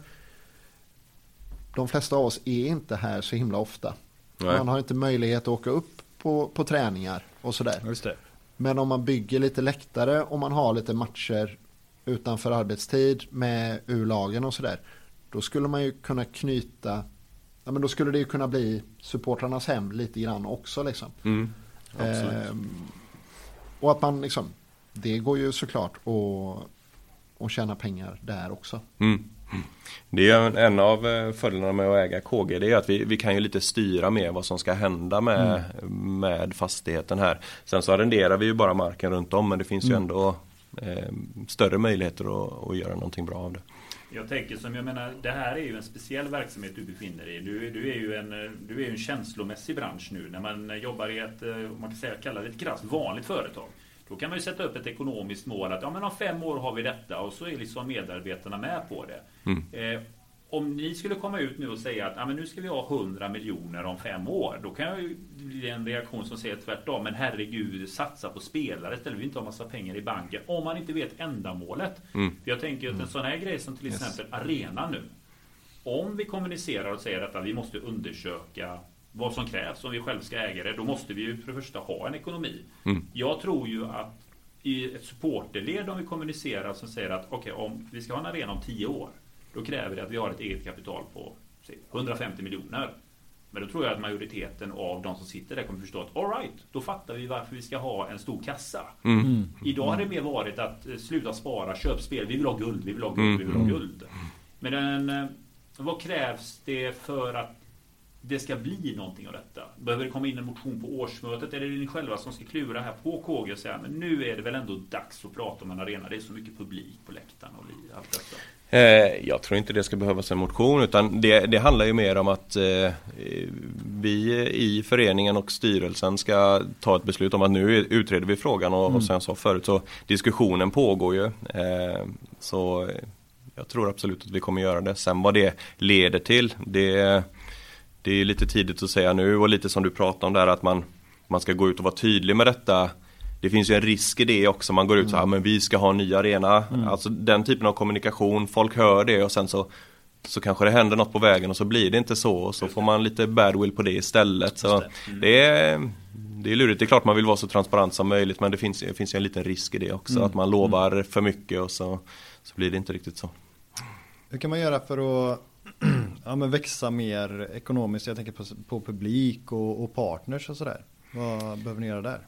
Nej, på Partners har vi gjort en del förändringar eh, egentligen i början på 2021 och jag tycker att det har blivit bättre. Vi, mm. vi säljer, vi har ju vänt de här vikande trenderna på partnerintäkter och så. Mm. Och vi, vi jobbar med det på ett annat sätt.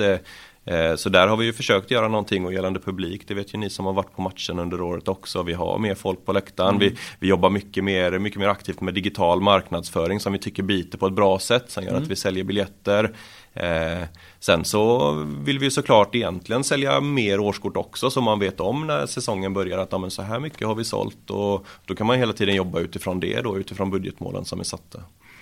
Alltså nu när hypen är som bäst, jag vet jag har sett mycket på Twitter och sådär, var, varför startar de inte årskortsförsäljningen? Varför kan jag inte köpa mitt årskort redan nu? Sådär. Mm. Um, är det någonting som är på gång? Det är på gång. Eh, sen så är det en fråga för biljettgänget. Så jag har inte mm. klart det i detalj men eh, det är på gång det som jag har hört. Mm. För det kommer ju skapa tryck redan nu och det är ju härligt. Det blir ju ett tidigt kassaflöde med in också. Exakt. Det... Men alltså jag har ju aldrig sett så mycket folk jaga biljetter till nedre ståplats. Som mm. ju nedre ståplats på Gamla Ullevi jag, jag älskar det för att jag står där med ett jäkligt gött gäng och jag har stått mm. där i tio år. Men eh, det är inte världens bästa ställe att stå och kolla på fotboll. Nej. Så. Eh, dels servicemässigt och dels liksom siktmässigt. Mm. Så.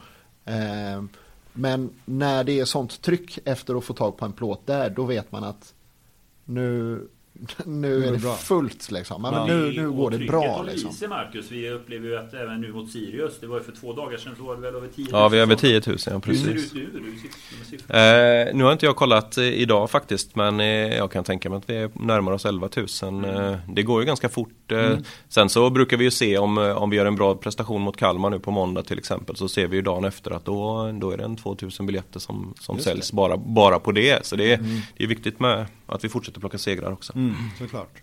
Uh, Antonio, du sitter där med uh, en telefon säger jag. Vill, mm. har du, eller har vi någonting mer innan vi kör lyssnarfrågor? Uh, vi kan se här från ja, det är väl, ja, men det är väl egentligen, jag tänker som så. Den här rollen som du har nu, hur, hur skiljer det sig att jobba som ekonomichef i en fotbollsförening ja. kontra egentligen vad säger, vanligt företag? Jag, jag nämnde ju om en känslomässig bransch mm, som du finner mm. i. Men är det lättare att jobba med ekonomi här än mot ett vanligt företag? Lättare, det är roligare framförallt. Eh, det, det är väl det jag kan säga. Men sen är det väl som så att eh, väldigt många har ju en åsikt. Eh, nu hamnar inte jag i skottgluggen för det så himla ofta. Det är ju egentligen när vi presenterar våran årsredovisning, kanske på medlemsmöten och så, att det är lite mm. frågor. Men, men i och med att vi, eh, vi har utvecklats positivt eh, rent ekonomiskt så framförallt är det väldigt mycket roligare.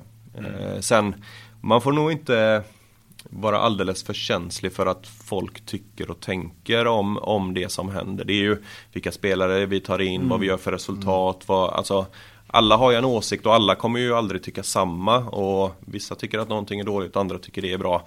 Man får inte lägga alldeles för stor vikt vid det utan det handlar ju om att vi tror på det vi gör här inne och eh, på den vägen vi har valt. Och så mm. länge man kan tro på det och känna sig trygg i det så, eh, så är jag övertygad om att det kommer bli bättre framöver också. Mm. Det blir ju, jag tänker att det här är ju en bransch att ni sätter ju en budget. Ja. En driftbudget. Eh, nu budgeterar ni ju inte spelarförsäljningar. Nej. Eh, kan ju, man har ju såklart ett värde på truppen. Men när det blir så här att det blir plötsligt en affär. 30 miljoner Mm. Eh, jag minns som ekonomichef, det blir ju ändå trevligt. Det rasslar ju till på kontot där. Men budgeten flyttar vi på som vanligt. Vad händer med de här 30 miljoner som kommer in? Ja, om, man, om man jämför med tidigare när vi budgeterade med eh, spelarförsäljningar då, då täckte de ju egentligen upp för att balansera driften då. Ja. Eh, det mm. gjorde ju också att vi kunde inte återinvestera de pengarna i spelartruppen. Mm. Eh, nu på det sättet vi jobbar nu med lite högre kravställan på partners, på publik, mm. Eh, alltså på alla de stora intäktsdrivande delarna. Kan vi nå våra mål där och utöver det sälja spelare det frigör ju utrymme att vi kan investera i spelartruppen samtidigt som vi gör ett ja, men vettigt ekonomiskt resultat. Eh, och det är ju först då vi kan ta steg egentligen för att bli, för att bli bättre. Utifrån ett förhandlingsperspektiv, jag menar för du nämnde ju det när vi hade 3 miljoner i kassan, vi var i behov av att sälja spelare. Eh, marknaden är liten, agenterna kan ju snacka för fullt. Då är det ju kanske svårt att få bra betalt för spelare. Nu när vi, och då kanske det är som så att när man sålde en spelare, då ville man ju ha den stora summan direkt. Nu när det finns lite pengar i kassan, är vi inte i ett sådant läge när en köpande klubb hör av sig och säger att eh, vi vill köpa den här killen, ni får han 20 miljoner för honom. Så blir det ändå förhandling så landar det i att den klubben betalar 30 miljoner. I avbetalningsformer att eh, första månaderna kommer det 5 miljoner och sen om ett år kommer det 10 miljoner. Vi sitter ju i en bättre båt nu i att pengarna behöver inte komma in nu direkt utan att en köpande klubb kan ju dela upp sin betalning. Men den slutsumman för oss blir mycket högre. Eh, ja, jag håller med dig, men framförallt så är det ju kontraktslängden på de säljbara unga spelarna som är nyckeln i det här. Kan man ett fönster säga nej till ett bud på 30 miljoner och spelaren fortsätter prestera om man vet att det finns fortfarande 3-4 år kvar på kontraktet. Det är ju där det kan bli stora pengar. Det är fler klubbar som kommer se den här spelaren. Vi kan säga nej Eh, på ett annat ja, vi kan säga nej på ett helt annat sätt mot vad vi har kunnat tidigare då. Om man tänker Benjamin Nygren till exempel och, och sådär. Men eh, så jag tror att det är den, eh, den eh, viktigaste anledningen till att vi kan säga nej. Sen har det varit så innan också att vi har fått betalningar uppdelade i mm, eh, ja, per år och sådär. Ja. Och med bonusar och liknande om det Ja, exakt, För Nu sålde exakt. vi ju Oskar till tyska andra ligan. Ja. Och det är ju något som inte budgeteras. Men när, de peng- när en sådan affär gör, kommer och blir av, blir det lite grann att det skapar lite nya förutsättningar för sommarfönstret in. Att nu plötsligt har vi lite mer att röra oss på. Kommer en sån kille som Markovic till exempel. Så är det. andra. Absolut. Och det finns ju en fördel med att göra klart affärer tidigt i ett fönster också då. För då har man tid på sig att identifiera eh, nya spelare som man skulle vilja ta in som ersättare och så också. Sen, sen pågår ju det jobbet eh, året runt egentligen då. Men det tenderar ju att man har en plan inför ett fönster och sen så dyker det upp andra möjligheter också. Så, eh, men det är absolut så. Lyssna frågor Antonio. Ja, de är många också. Oj, Ja, oj, Ja, oj. det är otroligt där. Folk gillar ekonomi och det gillar vi här på podden. Att folk Försök- gillar ekonomi. Det är bra. Sålla lite nu så att det inte blir för mycket. Vi håller Kristoffer Brun här. Ja. Eh, Han har många frågor, men vi tar denna. Nuvarande arena, går det att förbättra ekonomin kring det? Eller, hur, eller är vi nära taket? Eh, vi är väl vid taket den dagen vi har fullsatt alla matcher skulle jag säga. Eh, I och med att vi inte äger så kan vi inte hyra ut och göra någonting annat av det. Eh, vi äger inte kioskerna och sådär. Så det, det är liksom död fråga. ja, men det, det ingår ju lite i partnerskapen då att man kan jobba, jobba med det. Men när vi har fullsatt varje match, ja då kan man säkert göra lite på marginalen men då börjar det bli eh, nära taket så att säga. Eh, John Simon undrar, är vi fortsatt i behov av transferintressenterna i, vid värvningar? Det är ju en lite svårare fråga. Man kan ju se det på olika sätt. Man kan se det som ett tillskott eh, till, eh, till verksamheten och tycka att det är en eh, stabilitet och trygghet. Sen eh, så avgör ju vi det lite år till år om vi, om vi vill göra det. Men vi, vi har ju uppskattat eh, samarbetet och deras vilja att investera eh, hittills. Blue and White Dynamite undrar eh, om truppbygget. Varför vi har så stor trupp? Vi har typ 30 spelare i och runt A-laget. Eh, ska vi ha sån bred trupp?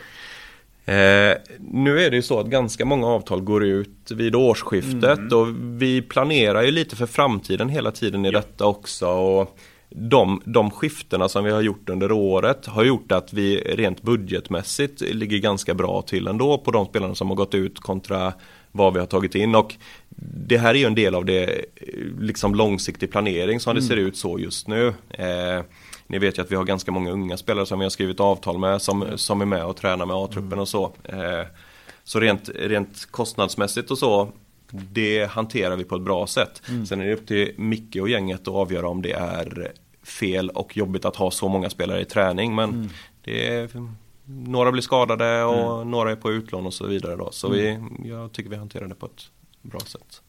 Kristoffer Brun undrar här om ägandet av Kamratgården. När vi tog över eh, Kamratgården så var ju ränteläget lite annorlunda. Nu Ja. sticker ju räntorna och eh, självklart är ju frågan, har vi bundit räntorna eller ligger vi rörligt? Det vi ligger rörligt. Det gör vi. Eh, Vi har pratat med banken men jag tycker inte att det de har presenterat har varit tillräckligt bra för att binda på längre sikt. Jag tror att det är i media och sådär. Ser rätt bra ut fortfarande. För bubblar Ja. inte treåringen är inte rolig. Nej, och min uppfattning om det här är att det är lite upptrissat eh, läge i media och så kring detta. Eh, Så vi har valt att ligga rörligt än så länge. Och spelarna får fortfarande duscha här trots elpriserna. Ja, med elpris. Vi har fast, eh, fast elpris så vi kompenserar det där. Snyggt. Martin Krossa undrar, finns det någon plan för klubben hur vi ska kunna agera annorlunda när man når ett eget kapital på sig 200 miljoner, det här gillar jag Martin Krossa. Vilka alternativa investeringar har vi med bra return of investment utöver akademi och spelartrupp? Eh, ja, det är frågan. Det, det handlar ju i grunden så tycker jag det handlar om att vi ska göra det så bra som möjligt med sporten. Det är ju där någonstans, det är där vi ska vara som bäst. Eh, hur spretig ska en fotbollsklubb bli och hålla på med andra delar? Ja, den, eh, det är en lite svår fråga tycker jag. Ja. Eh, FC Köpenhamn ligger väl i framkant där på något sätt då. Ja, de har ju koncernen där, Parken med Lalandia och liknande. Mådde ju, gick ju inte bra under pandemin, men nu är det ju kanontider igen. Men de driver det som ett eh, bolag också. Man kan ju bli, eh, man kan ju smitta sin verksamhet med skatt och så om, om man det. driver annat som inte är fotbollsverksamhet så att säga. Just det. Eh, så det, det är ju en större fråga än att bara hitta nya intäktsdelar så att säga. Kristoffer Brun, ett sponsoravtal sägs som huvudsponsor. Betalas den eh, sponsoravgiften in som en klumpsumma för året eller betalar eh, våra partners i omgångar per år? Eh, Det är helt beroende på hur avtalet är skrivet men eh, gällande våra huvudpartners så betalar de en eller två gånger per år kan man säga. eh, Och sen då utifrån hur långt avtalet är. Hur långt avtal har vi med Serneke? Det är till och med 2023 om inte jag minns helt fel. Eh, Vi har, går vi plus minus, plus minus vid årets slut utan att sälja spelare i år? Alltså hur ser driften ut? Ja, men man får ju tänka på det att vi, vi vet att vi har gått bra gällande publik och sådär och vi vet att vi har sålt spelare. Men, men det man också måste ha med sig är ju att i och med att vi vet om att vi har gjort de här grejerna så har vi också valt att investera i spelartruppen vilket påverkar driften direkt. Och lyfter du då bort våra transfer, våra transfernetto det gör ju att driften kommer ju se lite sämre ut än vad vi har sagt men resultatet kommer ju fortfarande vara bättre än det vi har budgeterat. Så det är en lite lurig fråga men driften kommer ju se sämre ut än det vi har sagt trots att vi tycker att vi har gjort det bra men det är ju för att vi har investerat i spelartruppen. Eh, och då hoppar vi till publik där för Musslan kom ju med den frågan att vad hade ni för budgeterat för publiksnitt i år?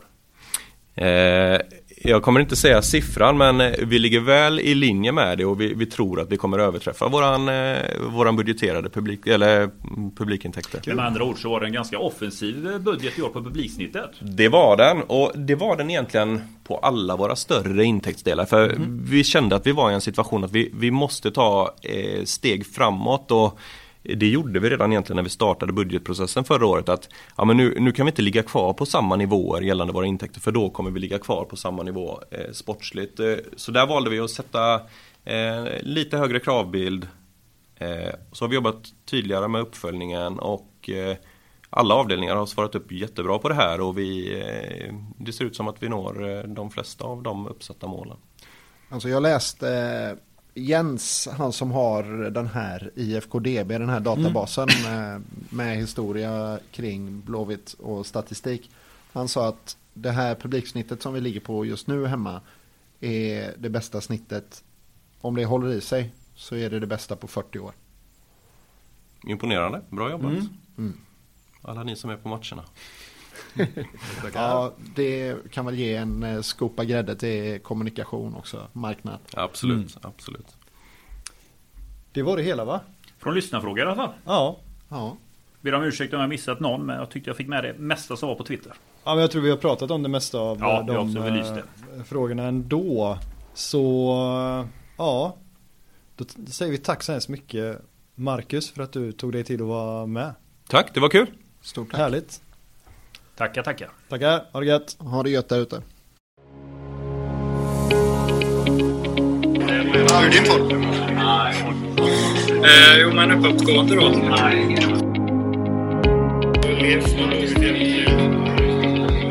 Jag trodde som pojke att jag var... Ja, det var en dröm att spela i ett skitboll.